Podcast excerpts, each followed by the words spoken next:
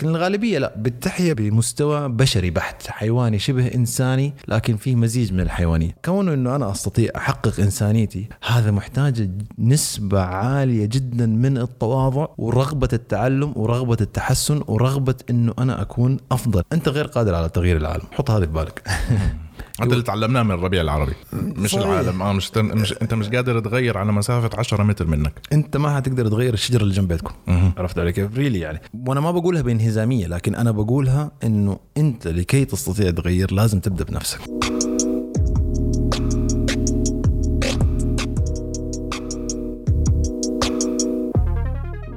ثلاثة اثنين واحد. بدينا تسجيل. السلام عليكم رصيف بودكاست. مرة تانية أحمد شاهين. صباح الخير. صباح ومساء. كيف حالك؟ قد عدنا إليكم من جديد في يوم سبت مجيد كما يقال. قبل ما نبدأ الحلقة أنا والأستاذ أحمد شهاد حابين ندعوكم إنه أنتم إيش تعملوا لنا follow تعملوا share للحلقة وفي نفس الوقت تتواصلوا معنا على ال Instagram page اللي هي رصيف بودكاست بنسمع آرائكم عن الحلقات. إيش ممكن حاجة نقولها جميلة كده؟ آه شكرا كتير. إحنا في حلقة واحدة. آه رجعنا للستة ال top 100 في ال Middle East وإن شاء الله بدنا نرجع لمكاننا الطبيعي في ال top 10 على ال Middle East. فبدنا الدعم. آه إن شاء الله كمان حيروح يكون عندنا يوتيوب وراح نستكمل فيه. فبدنا share و subscribe على اليوتيوب كمان حقيقة يعني إحنا هدفنا من البودكاست إنه نكون قريبين من تجاربكم الشخصية relatable لكل تجربة أنتم مريتوا فيها وحابين أيضا إحنا نتعمق في مواضيع كثير بتخص الشباب العرب. آخر مرة نحن تكلمنا في نقطة حلوة حسيت إنه هي كان لابد إنه نحن نتعمق فيها أكثر وأكثر.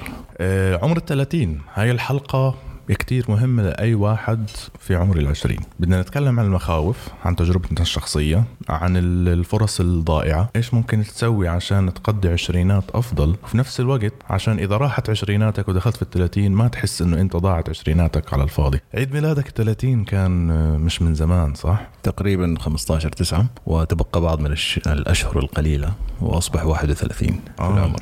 فسبحان الله الأيام بتجري أنا أصلا كشخصية أعتقد إنه كان عندي رهاب من النضوج. لأنه فترة العشرينيات أنت كأي فتى عربي تحيا مدلل داخل المنزل أمورك كلها مثلا بتتخلص من أجلك سواء كان النظافة الأكل فبيكون ما عندك حس المسؤولية الفردية. فبتكون كشخصية غير ناضجة مكتملة كليا. حتى نحن كتجربتنا المعيشية حسيت إنه إحنا كنا عايشين في حاضنة بيئية. بتحس إنه الحياة ما كانت تلقي عليك كثير من التحديات سوى خارج الجانب الجامعي أو الدراسي. ما بيكون عندك ال- النضج.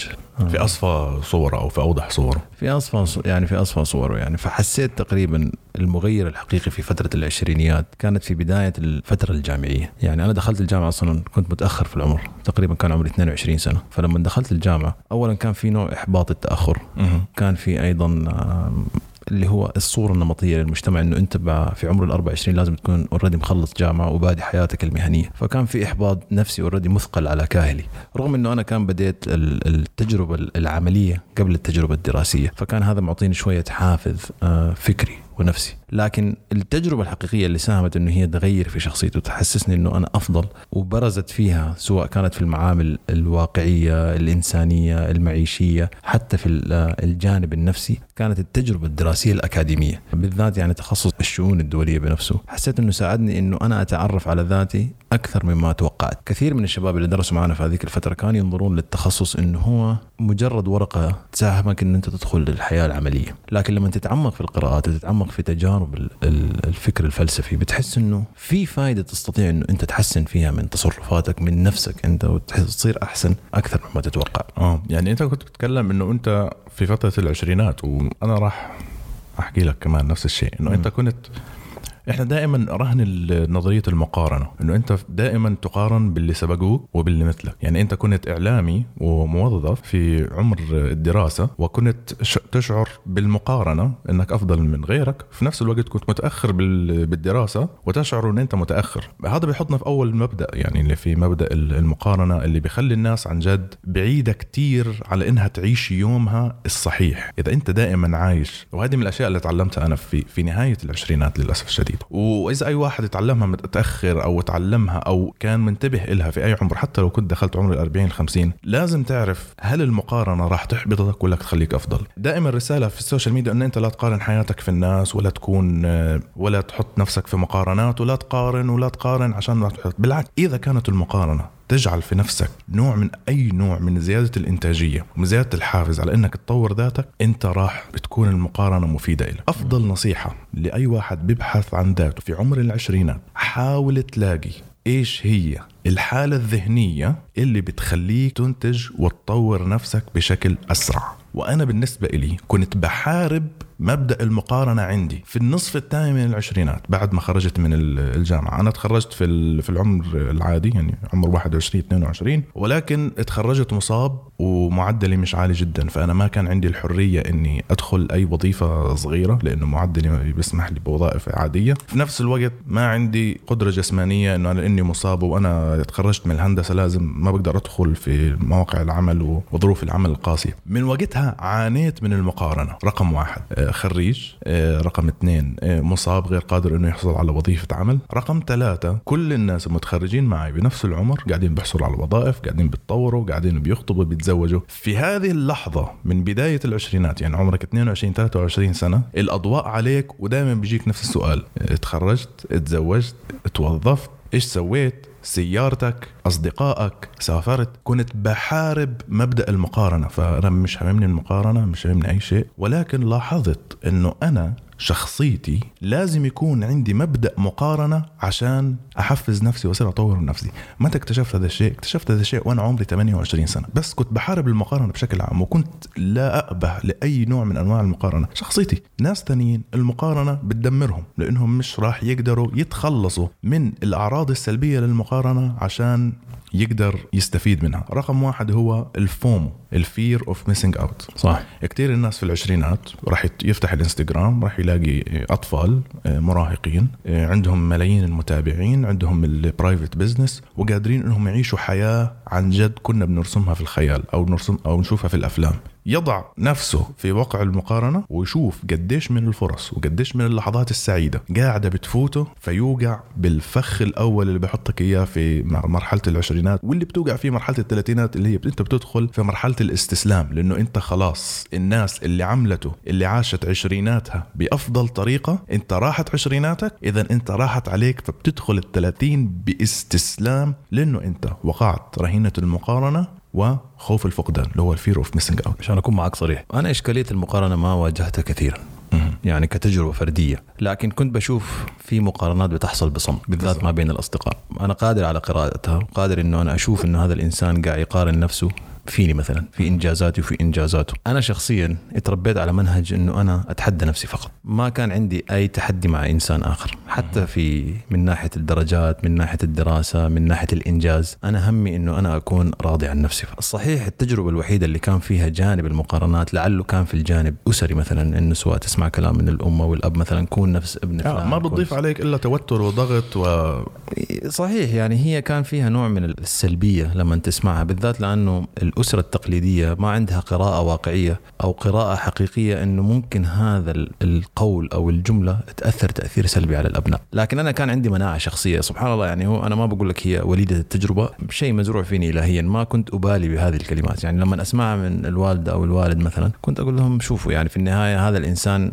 عنده تجربته وأنا عندي تجربتي وفي النهاية أنا حاب أكون شخص يمثل ذاته، شخص يكون آه سعيد آه بذاته. جميلة هاي الجملة بس في أي عمر كنت تحكي هاي الكلمة؟ من أيام المراهقة لأنه مثلا كنت آه. أطلع وأسهر وأجي متأخر و... جميل. وأنت ليش ما تقعد في البيت تدرس؟ قلت لها في النهاية أنا عمري جبت درجات سيئة حتى لو أنا كنت بطلع آه وبستمتع آه وبعيش آه المراهق العادي لما تنحكى له هاي الكلمة بيواجه آه تروما نفسية لمدة exactly. فترة طويلة يعني فعموما ما كان عندي انصات لهذه الجملة واخذتها معي في كل مناحي الحياة سواء حتى في الجانب المهني سواء حتى في الجانب الأكاديمي ما أخذتها بجدية لأنه حسيت أنه صراعي الحقيقي مع نفسي. وأنا ما بقول هذا الكلام ككلام إيجابي وكليشي مبتذل على السوشيال ميديا لا والله حقيقة يعني أنا إلى اليوم صراعي اليومي هو صراعي مع نفسي. أنا صار لي أسبوع بحاول أصحى الساعة 4 الصبح أساس إنه أنا أجري okay؟ لأنه الحرارة طبعا تغيرت وأصبحت درجة الحرارة عالية جدا أنا صار لي أسبوع أفشل يوميا إنه أنا أقوم 4 الصبح. آه لما أنا أصحى دفء المخدة والفراش بيخليني أرجع وب... وأنا داخليا قاعد أحس بتجربة الصراع قاعد أحس بألم الصراع إنه أنت you made promise عملت وعد لنفسك. وفشلت في هذا الوعد. صح كثيرين ممكن يقولوا إن أنت قاسي على نفسك لكن أنا أنظر إنه أنت إذا ما حققت الرغبات اللي أنت حقيقة تريد إنه أنت تحققها وهي في قدرة آه وصولك إليها هذه مثلا إنجازات بسيطة ما هو شيء تعجيزي. إذا أنت ما قدرت تحقق هذا الشيء إذا ما بالك في الأشياء اللي تستحق إنه أنت أو أو متطلبة منك إنه أنت تجتهد وتعمل بزيادة. يعني أنت لقيت إنه أنت بتقدر تنجز أكثر لما توعد نفسك بحياة أفضل؟ أم لما يكون الموضوع شخصي مش مقارنة أو تنافسية. هذه هي يعني أنا آخر سنة اكتشفت إنه إذا أنت حسنت من إنجازاتك الشخصية مش شرط يكون إنجاز عظيم. يعني أنا قبل فترة سمعت كان آه، مقابلة مع جوردن بيترسون كان بيتكلم عن إنه أنت you don't aim low enough دائما نحن بنضع طموح عالي جدا ما بيكون واقعي. مهم. أنت ما بتبدأ بداية دائما عاوزين نوصل لأعلى الهرم you know? اعتبرها مثلا كرياضة الجري مثلا. أنت ما بتبدأ من أول يوم بتوصل 10 كيلو مستحيل تبدأ كيلو كيلوين وهكذا وبتبني وممكن تاخذ معك شهور سنة سنين. لكن البناء المتواصل للأمر بيوصلك في النهاية للإنجاز الأسمى. أعتقد إنه نحن في كثير من الأحيان أنا كنت قاعد أفكر في هذا الموضوع وأنا جايك اليوم على أساس إنه نسجل حلقة. في كثير من الناس أو أو أو الشباب وحتى أنا كنت جزء منهم وإلى اليوم يعني. نحن ما عندنا قراءة واقعية للأهداف اللي أنت حابب تحققها. وإذا عندك قراءة واقعية للأهداف ما عندك السبل لتحقق هذه الأهداف. وإذا عندك هذه السبل ما عندك ال technicalities أو الطرق اللي أنت ممكن تو... إيش تبدأ فيها في ديمومة هذه الأفعال. عرفت علي كيف؟ فهي هي عدة عناصر. الهدف إذا وجد ما عندك الوسيلة. إذا وجد الهدف والوسيلة ما عندك ال- ال- الطريقة اللي أنت ممكن تعمل على استدامة الوسيلة اللي ممكن تحققك للهدف مم. في عوامل وظيفية متغيبة دائما آه؟ إحنا إحنا هنحكي كمان عن المحيط على المجتمع إنه أنت كيف لا ممكن بس بس شوف آخر نقطة اللي هي أنا اكتشفت إن هي أهم نقطة من كل هذه الأشياء اللي موجودة الناس ممكن تأخذها ككلمة مبتذلة لكن إذا أنت ما عندك عزيمة مهم. أنت ما عندك إنتاج أغلبية الشباب وحتى نحن كنا جزء منهم هو داخليا مهزوم وهو ما بيعترف لنفسه هو مهزوم صحيح. والله. صحيح. يعني وأنا أقول هذا الكلام بكل عاطفة من قلبي. إذا أنت ما نظرت لنفسك وقلت هل أنا مهزوم أو لا ما راح تحقق شيء. أغلبية الناس عنده افتخار بإنجازات أو افتخار بخاري. ما في أصلا أساس foundation أنت بتعتز بإيش بالضبط؟ في كاتب مشهور اسمه روبن شارما هو من أحد آباء مجال تطوير الذات. قابلته في الدوحة سنة 2012 مم. كنت لسه متخرج وراح أحكي لك هذه لأنه هذه بالضبط من النقط اللي أنا بحكيها. دخلت محاضرته ما طلعت فيها إلا بكلمة واحدة. اللي؟ قال don't fall in love with your success. صح.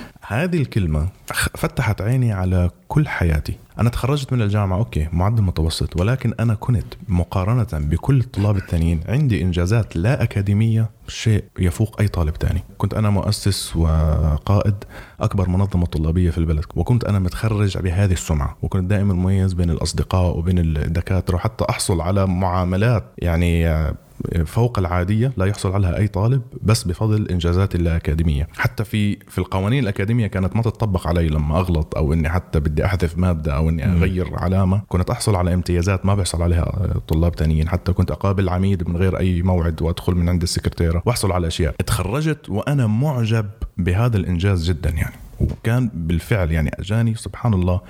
في الوقت الصحيح. إن أنا كنت معجب جدا بإنجازاتي في الجامعة اللا أكاديمية وخرجت بروح عالية. صحيح إنه أنا كنت مصاب ولسه مش ملاقي إيه، مش ملاقي وظيفة أو إني ما ببحث على الوظيفه كنت متكبر عليها جدا إنه أنا خلاص يعني whatever أنا بستحق الأفضل والأفضل راح يجيني. ولكن كلمة إنه أنت لا تعجب بنجاحات لا تقع في غرامها عن جد ساعدني اني أقدر زي ما بقولوا أرجع لنقطة الصفر. أرجع لإني أقول okay أنا الحين صفر. كل إنجازاتي في الجامعة شهادتي الجامعية حققت المرغوب منها. الحين أنا لازم أبدأ أبني من جديد. مجال تطوير الشخصية في الجامعة كنت بالمقارنة أتفوق كثير تطوير الشخصية متحدث جيد علاقات اجتماعية قوة حضور خطابة قادر على إني أطلع من مآزق أو أجاوب أسئلة محرجة أتجنب جدالات وأعمل أي نوع من أنواع ال- النقاشات الرابحة مهارات مناظرة. المهارات السطحية اللي الناس بتعجب فيك وانت موجود فيها. ولكن في وقت ما طبعا إحنا كلنا مرينا في وهذا هذا جيل مميز لأنه مر فترة عشريناته في فترة الربيع العربي.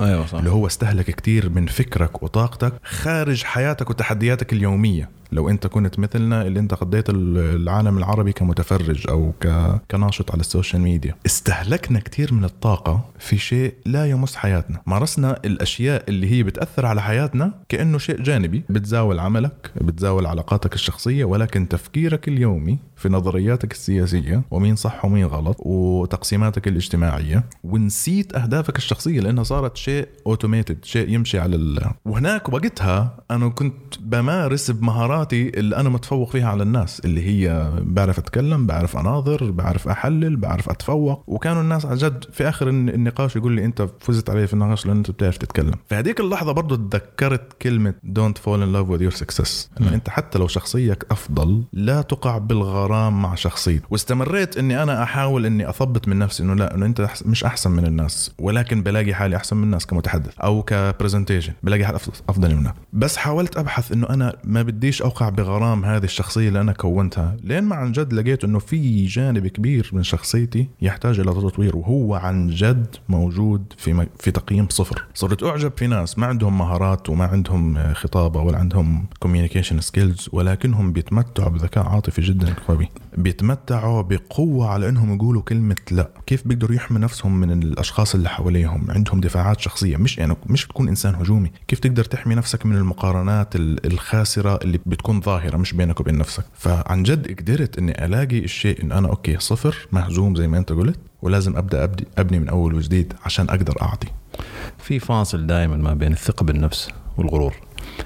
يعني أنا قابلت شخصيات جدا هي في الأساس. داخليا هي هشة لكن في الخارج يبين إنه هو على ثقة وعلى قدرة مثلا آه، بمحيط. لكن في الأساس داخليا هو مهزوم. فأنا أعتقد إنه كون انه أنت شاب أو حتى مثلا إنسان آه، في منتصف الثلاثينات كثير منهم بيتغيب عن الحديث الذاتي والحديث الذاتي آه. هو اللي بتدرس فيه أنت نفسك. ما هي القدرات اللي أنا عندي؟ ما هي الأشياء اللي أنا أستطيع إنه أنا أتميز فيها وأستطيع إنه أنا أنميها؟ وتكون على دراية إنه هذه الأشياء إذا أنت عندك في ناس مثلا عندها أحسن منك في هذه القدرات نفسها. لكن مش معناته إنه أنت تنهزم.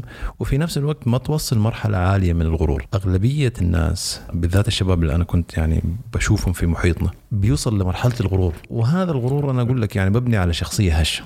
أه مبني مبني كمان يعني أنا مش راح اقطع كثير مبني على انتصار لحظي ممكن يكون. هذا هو يعني مومنتم فيكتوري فهذه هي الإشكالية. يعني أنا أعوذ بالله من كلمة أنا لما وصلت عمر الثلاثين أعتقد هذه لأول مرة في حياتي أنا أتحدث مع نفسي.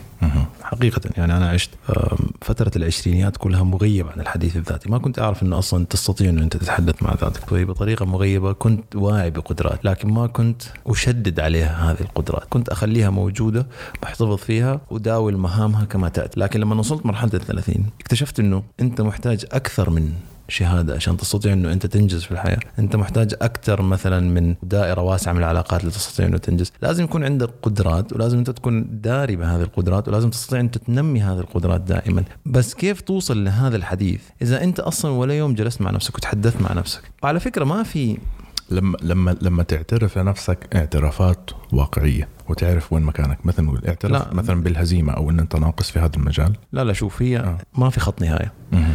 أغلبية الناس بيعتقدوا إنه في لا إيش اللحظة اللي أنت بتقدر تتوصل فيها لحديث ذات ذو معنى يعني؟ هو الغالبية بيعتقد إذا جلس مع نفسه حيوصل لحديث المنتهى مثلا. إنه أنا خلاص عرفت نفسي. لكن ما في إنسان عرف انسانيته مهما كان لأنه في في البداية أنت بشري وبتحاول تسمى لمستوى الإنسانية. في فرق ما كون إنه أنت بشر وإنه أنت إنسان. هذه أشياء توتالي ديفرنت فلسفيا وجوديا لكن الغالبية لا تعي بذلك. إلا من رحب يعني ربي من أهل العلم وأهل الفكر اللي هم بيحاولوا توصلوا لهذا المستوى الإنساني الرفيع من الأخلاق والفكر والتواضع وهكذا وإلى آخره يعني. لكن الغالبية لا بتحيا بمستوى بشري بحت حيواني شبه إنساني لكن فيه مزيج من الحيوانية. كونه إنه أنا أستطيع أحقق إنسانيتي. هذا محتاج نسبة عالية جدا من التواضع ورغبة التعلم ورغبة التحسن ورغبة إنه أنا أكون أفضل. أنت غير قادر على تغيير العالم. حط هذه في بالك.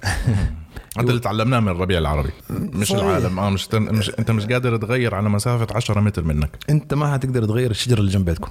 عرفت علي كيف؟ ريلي يعني. وأنا ما بقولها بانهزامية لكن أنا بقولها إنه أنت لكي تستطيع تغير لازم تبدأ بنفسك. لما أنا بديت مثلا برياضة الجري لاحظت بطريقة غير مباشرة ألهمت عدد لا بأس به إنه هم يبدوا رياضة. وبدوا يتواصلوا معي إنه أنا مثلا حسيت إنه أنت you're inspiring وأنا ما كان هدفي إنه أنا ألهم أي إنسان حقيقة يعني. أنا بديتها عاوز ألهم نفسي why look better يعني. لكن لما حسيت إنه أنا قاعد أنشر طاقة إيجابية ومش طاقة إيجابية سامة طاقة إيجابية واقعية. إنه أنا اليوم مش حاسس إني عاوز أركض بس أنا اليوم تحديت نفسي وقدرت لما تكون واقعي مع نفسك وواقعي مع الآخرين الناس راح تتبع بعض من الخطى اللي أنت بتتبعها. بس تبدأها أنت بعدة عوامل. حديث ذاتي يكون عندك عزيمة وبعدها تبحث عن الطرق اللي أنت تستطيع إنه أنت إيش؟ تنجز فيها هذه الأشياء. لازم you have to have these three elements هذه العناصر الثلاثة. إذا تغيب أي من هذه العناصر الثلاثة أنت راح تكون جالس في مكانك. بعدين في ناس بترتاح في المحيط نفسه. أنت ما بتحب تطلع من محيطك. يعني أنا بالأمس سبحان الله لقيت إنسان صدفة والله حتى ناسي اسمه بس بعرفه كهيئه سلم علي ومش عارف إيش. وين كنت؟ والله يا أخي أنا كنت في أمريكا. ما شاء الله إيش سويت في أمريكا؟ والله ما سويت حاجة. literally جلس في أمريكا من بداية 2002 ذهب هم وبعض الأخوة العرب أساسا إنه يدرسوا في أوهايو. يعني قصة أي عربي مهاجر موسم الهجرة إلى الشمال. جلس هناك ما أنجز شيء. حتى الشهادة نفسها ما درسها. إيش سويت؟ والله قضيتها متعة في أمريكا والحياة صعبة في أمريكا ولا لا لا. فكان في نوع من الانهزامية نفسه. طب ليش إيش ما سوي والله يا أخي كنت مرتاح. كان في معونات من الحكومة وأنا عايش على المعونات. فلما وجد أقرب فرصة للاتكالية وجد إنه بنى محيط مريح ما بيستطيع إنه هو يخرج منه بقى فيه. هذه قصة الكثير من الناس. هذه قصة الناس. أنا بسميها نظرية كيس البطاطا.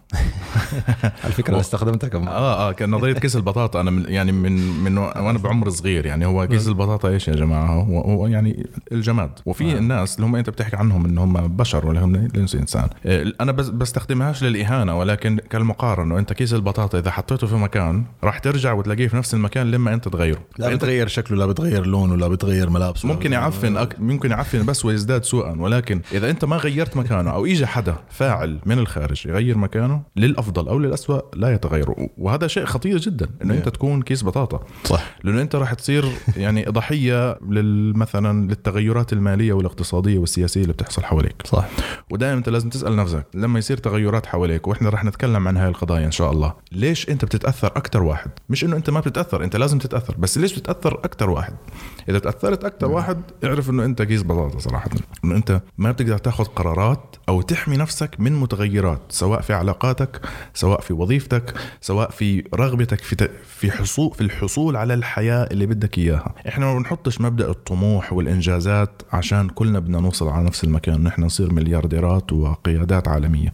أنت كل إنسان عنده صورة ذهنية لكيف حياته راح تكون بشكل يرضيه ويشعر بالأمان والراحة وانت زي ما قلت أحيانا واحد بيلاقيها ولكن بيصير محبوس فيها لدرجة إنه بيتحول لكيس بطاطا بيعفن وبيصير للأسوأ. لأنه فقد على دخل جوا منطقة الراحة وفقد رغبته في تصور حياة أفضل من اللي هو فيها فبطل يقدر يغيرها. صح نفسيا يعني كنت بسأل نفسي يعني لأنه هي نظرية كيس البطاطا يعني أنا أطلقتها على ناس بعدين عكستها على نفسي. إيش هي الأشياء اللي أنا غيرتها بإيدي؟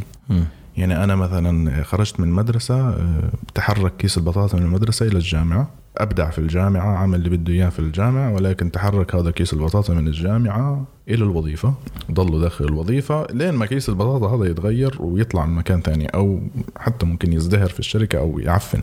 الأسئلة الشخصية هذه هي اللي بتحفزك إنه أنت حتى لو آه، تغير على مسافة مترين منك. مسافة مترين منك شو يعني؟ المكان اللي أنت بتكون موجود فيه كل يوم. علاقاتك الشخصية. إحنا حنتكلم كتير عن العلاقات لأنه إحنا في عندنا كتير بين فترة العشرينات لين الثلاثينات الصداقات الجامعية بتبدأ مثلا في بعضها بيستمر للأبد وفي بعضها بيختفي وفي بتدخل في علاقات جديدة مبنية على الشراكة وعلى المصلحة أكثر ما هي مبنية على الصداقة ومشاركة الوقت. فأصدقاء ال- الجامعة اللي هم العشرينيين غير أصدقاء ال- العمل اللي هم يعني خلينا نقول آخر العشرينات وبداية الثلاثينات. هاي صداقة جدا مختلفة. وكيف إنك تنجح تخلي هاي علاقة أنت بتستفيد منها وعلاقة حلوة وعلاقة تستمر يعني تكون صحية غير سامة. وفي نفس الوقت كيف تحمي نفسك من علاقات أنت غير قادر على تجنبها سواء كانت داخل البيت أو كانت في أصدقاء. أنت عن جد ما بتقدر تتخلى عنهم لأنه العشرة حلوة ولأنه الرفقة حلوة. وكمان نتكلم عن العمل. يعني انت في عندك علاقات رسمية ولكن في ناس جدا رائعين انت بترغب انك تكون صديق لهم. بدي أخليها في حلقة تانية من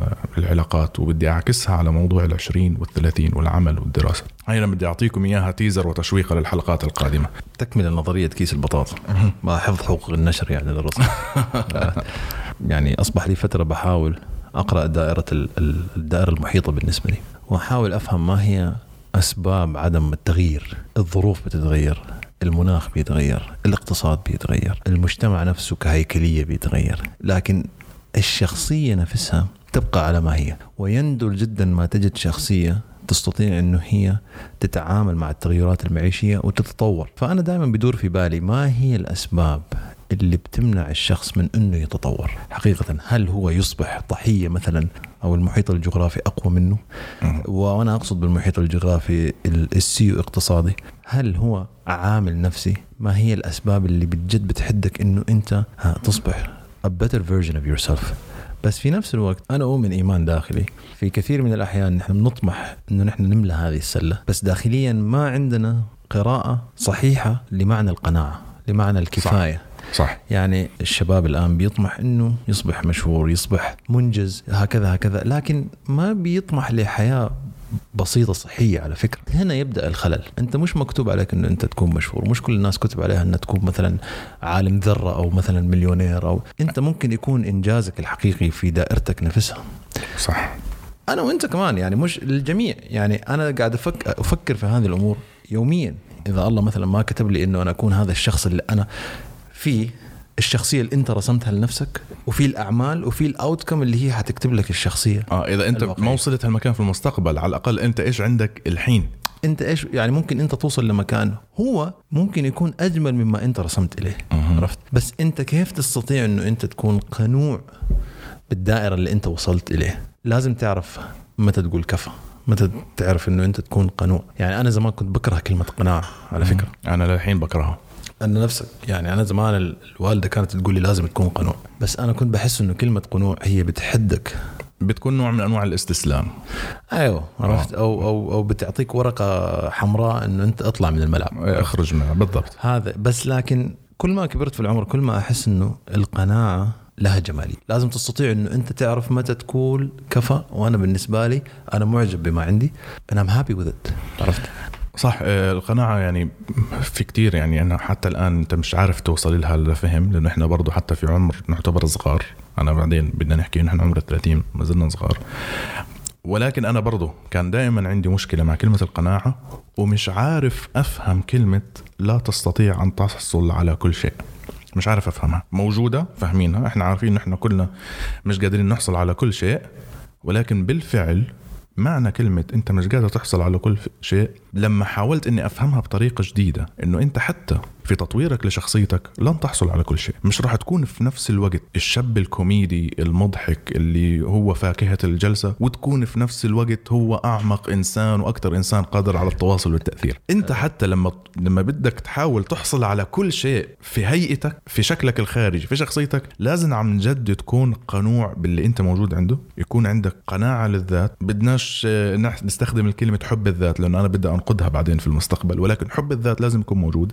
بحب كلمة الاكتفاء بالذات م. اللي هو ما بنعك عن التطوير عشان تكون فاهم إنه أنت لن تحصل على كل شيء عشان ما توقف ما توقعش في الانهزامية الضاره يعني إحنا بنتكلم في بداية الحلقة عن الانهزامية إنه أنت في نقطة صفر وفي فرصة رائعة للزراعة هنا وللتطوير هنا وللإنتاج هنا. اعترف إنه ما في شيء إنه هذه السلة فاضية. ولكن مسألة إن أنت لا تحصل على كل شيء إنه أنت مش لازم تحصل على كل شيء حتى لما تتكلم عن الفلوس حتى لما تتكلم عن الشهرة. إيه أنت ما حصلت ما حصلت على ال ألف متابع ولا حصلت على ال ألف متابع. طب أنت ليش بدك عشرين ألف متابع وأنت أصلا عندك وظيفة يومية؟ أنت بتحاول إنك تكون أفضل فيها ورغبتك الحقيقية إنك تكون قوي في وظيفتك. أيوه. ليش بدك يكون عندك وظيفة و business و social media وأصدقاء وبدك علاقات وبدك آه، أشياء كتير بدك لأنك بدك تحصل على كل شيء. رقم واحد حاول إنك تكتفي بداخلك تكتفي بما عندك تكون حاسس إنه أنت الحين مكتمل وفي سلال فارغة أنا بدي أملأها. وهذول المفهومين للأسف الشديد بيلغوا بعض بطريقة أنت صعب توصل للتوازن إلا أنت إذا عن جد وصلت لجلسات ذاتية تعرف أنت إيش بدك إيش الأهداف. اللي انت بتمليها على نفسك ويعني إيش المقارنات اللي انت بتمليها على نفسك؟ انت لما تحكم على نفسك انه أنا هنا صفر وأنا سلة فاضية هل انت حكمت على نفسك ولا هذا كان تأثير خارجي بسبب الأهل بسبب الأصدقاء بسبب المحيط اللي حواليك؟ إذا انت كنت موظف صغير للعلم يعني جميع في العشرينات بيكون موظف صغير يعني ولكن بعدين السباق بيختلف. بتلاقي فيه اللي ناس مثلا نطت وأصبحت في مكان معين وفي ناس ثابتة مكانها. وهذا الشيء بيخلق كتير من التوتر والقلق لناس كتير يعني. وخلق بالنسبة إلي. خلق بالنسبة. وصلت لفترة إنه أنا لازم ما أعترفش بالنقص. وأشتغل على شيء ثاني يعطيني بس على الأقل طوق النجاة إنه أنا لما يصير مقارنة سواء بيني وبين نفسي وبين وبين اللي حولي. طيب سؤال يعني أنا يعني أنا بسمع دائما سواء من تجربتك أو من تجربتي قوة العزيمة أو التحدي للأشياء اللي أنت بتمر فيها. لكن متى حسيت أنت مهزوم حقيقة؟ فترة أنت في فترة حياتك حسيت إنه أنا عن جد أنا مهزوم؟ لا هي الفترة هي يعني أول هزيمة. يعني أول ما أنا إحنا بدنا نحكي عن مش الهزيمة إنه حتى اعتراف إنه هناك شيء يجب تحسينه بشكل دراماتيكي من صفر إلى مية. برضو لما كنت متخرج مصاب ما عندي وظيفة وأجتني عبارة روبن شارما اللي هي don't fall in love with your success. لأن أنا كنت مصاب ما عندي وظيفة ولكني مخت- مفتخر بإنجازات سابقة. بإنجازات سابقة. فماشي مكتفي بنفسي. مكتفي ب- بنفسي. إيه، ما بيهمنيش مقارنات ما بيهمني أي شيء. ولكن لما في نفس الوقت لما حدا قال لك إنه أنت don't fall in love with your success لأنه وقوعك بالحب بنجاحك رح يمنعك إنك تنجح من أول وجديد تنجح بشيء جديد يعني. فبالفعل هانا هانا أول مكان أنا كان لازم أحكي إنه أنا اعترافي بالهزيمة. أنا كنت متفوق بالنسبة لطالب جامعي ولكن أنا الحين كخريج وكواحد بده يدخل في سوق عمل وبده ينجز إنجازات جديدة يجب أن أعترف إنه أنا rookie إنه أنا مبتدئ إنه أنا حتى شخصيتي اللي هي لامعة ما بين هذا الوسط أنا الحين شخصيتي تعتبر صفر وجديدة جدا يعني مبتدئة لما تدخل في عالم الكبار. وهذا اللي أنا بدي أتكلم عليه آه، في آخر الحلقة هذه عشان بدي أبدأ فيه الحلقة الجاية. إنه أنت الحين لما تكون طلعت من العشرينات اللي هي ال 21 22 ودخلت في العشرينات الحقيقية اللي هي من 23 لين شبح ال 30 اللي إحنا بنعتقد عنده دائما إنه هي نهاية الشباب وهي بالعكس هي بداية الشباب ال 30 بتفقد أشياء أنت مش واعي جدا على فقدها وفقدك إلها ما ببين إلا لما يصير الأثر قوي جدا اللي هو بيصير في نهاية ال 30 هو رقم واحد. غياب الإرشاد. لأنه أنت أول ما تتخرج بيغيب عنك الدكتور الجامعة بيغيب عنك المدرس بيغيب عنك الأهل. كيف بيغيبوا عنك الأهل؟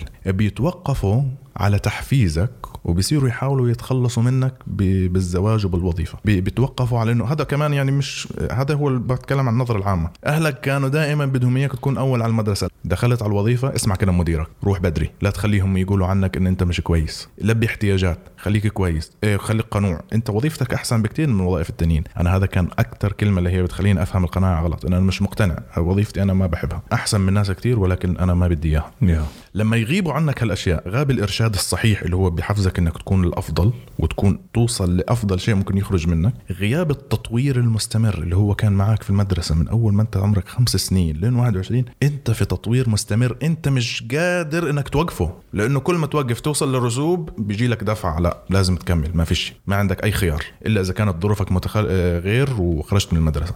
إحنا بنتكلم على طبقة متوسطة في المجتمع. في دائما بدفعك بدفعك وصلت للتخرج من الجامعة وحتى لو أنت كنت يعني اندفعت إنك تدخل ماستر ودكتوراه في لحظة راح تختفي عنك هذه الأشياء وإنت مش راح تكون واعي إنها اختفت. مم. الإرشاد والتطوير المستمر. إذا إنت خرجت من الجامعة وهدول الاثنين فقدتهم وانت مش منتبه راح تكون زينا لأول على نهاية تكون- العشرينات. لاول مرة تكون سيد نفسك قصدك. بالضبط. لا لا مش سيء آه بتكون بتكون مغرور أنت صرت سيد نفسك. أيوة. آه، مش لازم أسمع كلام أهلي مش لازم أسمع هذا الكلام الدكتور. خلاص الحمد لله أخذنا علامته. فقدت التطوير المستمر فقدت الإرشاد دخلت في العشرينات ضايع وصلت الثلاثينات اطلعت العشرينات لورا. فاشل الناس عاشت آه، عشرينات أفضل منك. دخلنا الثلاثين منهزمين مستسلمين. حالة نفسية سيئة لكل واحد بيستقبل عيد ميلاد الثلاثين. أنا كم سفرة سافرت في عشريناتي؟ وهيك سافرت مرتين ثلاثة. إيه هذا سافر؟ تلاقيه حاطط لك على الانستغرام. إيه 30 بلد. إيه 40 بلد. أنا إيش؟ أنا عندي وظيفة بالعافية بخلص فيها السنة بخلص فيها الشهر. أوه هذا عنده private business وهذا مستقل ما بهموش. وطبعا عند النساء إحنا نتكلم على فومو بشكل أكبر. على امرأة مستقلة على امرأة سيدة نفسها. أوه هذه عندها عائلة بندخل عمر الثلاثين وإحنا فاقدين أسلحة وبنشعر بالهزيمة وبنحتفل بعمر الثلاثين بهزيمة نكراء وبندخل بعدين في دوامة. يعني أنا ش... يعني أنا لما خلصت عمر الثلاثين وأنا يعني بس... بالصدفة أنا أكبر من كل أصحابي كنت دائما عشان هيك بسألك عمرك الحين 28 29 طب عمر ال 30 حنتكلم مع بعض يا أحمد شاهين صح؟ لأنه أنا عن جد أنا لما وصلت عمر ال 30 واجهت كل الأشياء هذه. كيف عالجتها أو كيف واجهتها؟ ما بدي أحكي إني عالجتها. ركزت كتير كتير على الذكاء العاطفي. غيرت مفهومي عن العلاقات. م. كنت دائما ببحث عن احتياجاتي ولكن مفهوم العطاء صار غير. إيه كنت بحب أساعد الناس كتير. صرت أقدر إني أكون شخص غير مبالي زي ما أنت قلت يعني إنه أنت دائما أنا لو شفت شجرة مش يعني بدي أغير العالم لا صرت أعرف إيش اللي لازم أغيره إيش هي المعارك اللي أنا لازم أدخلها وإيش المعارك اللي أنا لازم ما أوتر نفسي بالاطلاع عليها يا سلام تعرف هذه أحلى أوه. جملة أنت قلتها اليوم أوه.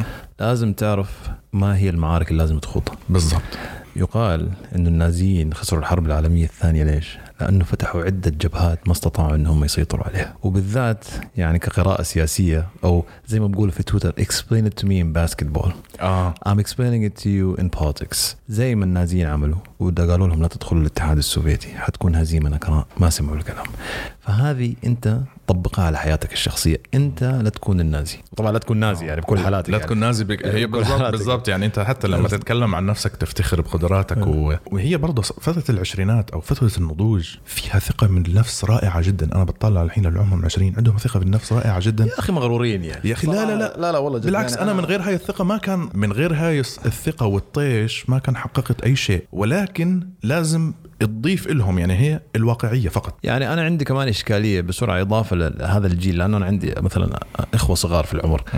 عندهم غرور المعرفة. جدا. عرفت؟ لأنه نحن لما كنا في عمرهم ما كان عندنا ال... هذا الكم الهائل من, من المعلومات اللي نحن بنتداولها يوميا. لكن هذا الجيل آه، بيفتح تويتر بيفتح إنستغرام بيفتح آه، يوتيوب ايا يكن يعني بيحس إنه هو على دراية بالعالم وبيناقش حتى الأسرة في معلومات تافهة جدا. هاي المشكلة لأنه بتحصل مع الأهل اللي هم عندهم معلومات حصلوا عنها من الصحف التلفزيون وبقارنوا بجيل نعم. بيحصل على المعلومات بشكل يومي exactly exactly. وللأسف الشديد بيحصل على معلومات شخ... سطحية يعني يعني مش مفيدة للحياه مش مفيدة للحياه أيوه يعني إيش يعني لو أنت عرفت كيف السوشي بسووه يعني؟ آه وعرفت ال black hole وعرفت الاحتباس الحراري آه وعرفت علوم الجينات وجاي تكلم الناس إنه أنت كل الأشياء اللي بيكلموك غلط يعني. exactly يعني لما تيجي تقول لي والله الأفوكادو قاعد يضر بالبيئة والنباتيين هم أضر للبيئة من مثلا okay يعني حلوة يعني. بس أنا ما قاعد آكل أفوكادو يوميا ولا المحيط اللي جنبه قاعد ياكل أفوكادو يوميا. ف بس أنت ما بتعرف إيش هو الثقب الأسود صح؟ بغض النظر ما بعرف شو هو الثقب الاسود بيجي لك بيجي لك مراهق. عرف شوية في الفيزياء الكمية وعرف أصل الكون كيف موجود وحصل على غرور وحصل على ثقة ما بتوديه على أي مكان عملي. وهنا هذه النقطة اللي أنا دائما أخذتها معي في الحياة. The more you know the more you don't know. كل ما أنت تعرف كل ما أنت لا تعرف. وهنا تكمن المعرفة الحقيقية. المعرفة الحقيقية في كلمة لا أعرف.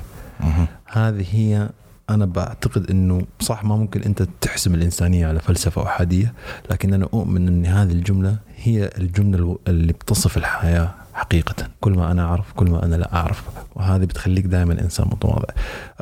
قبل لا نختم يعني الحلقة أنا بس عاوز أضيف نقطة اللي أنا كنت قاعد أستمع إليها. أمس وحسيت إنه هي اللي ساهمت في تغييري للأفضل بالذات في تجربة الثلاثين. أنت لازم تصنع لنفسك روتين يومي.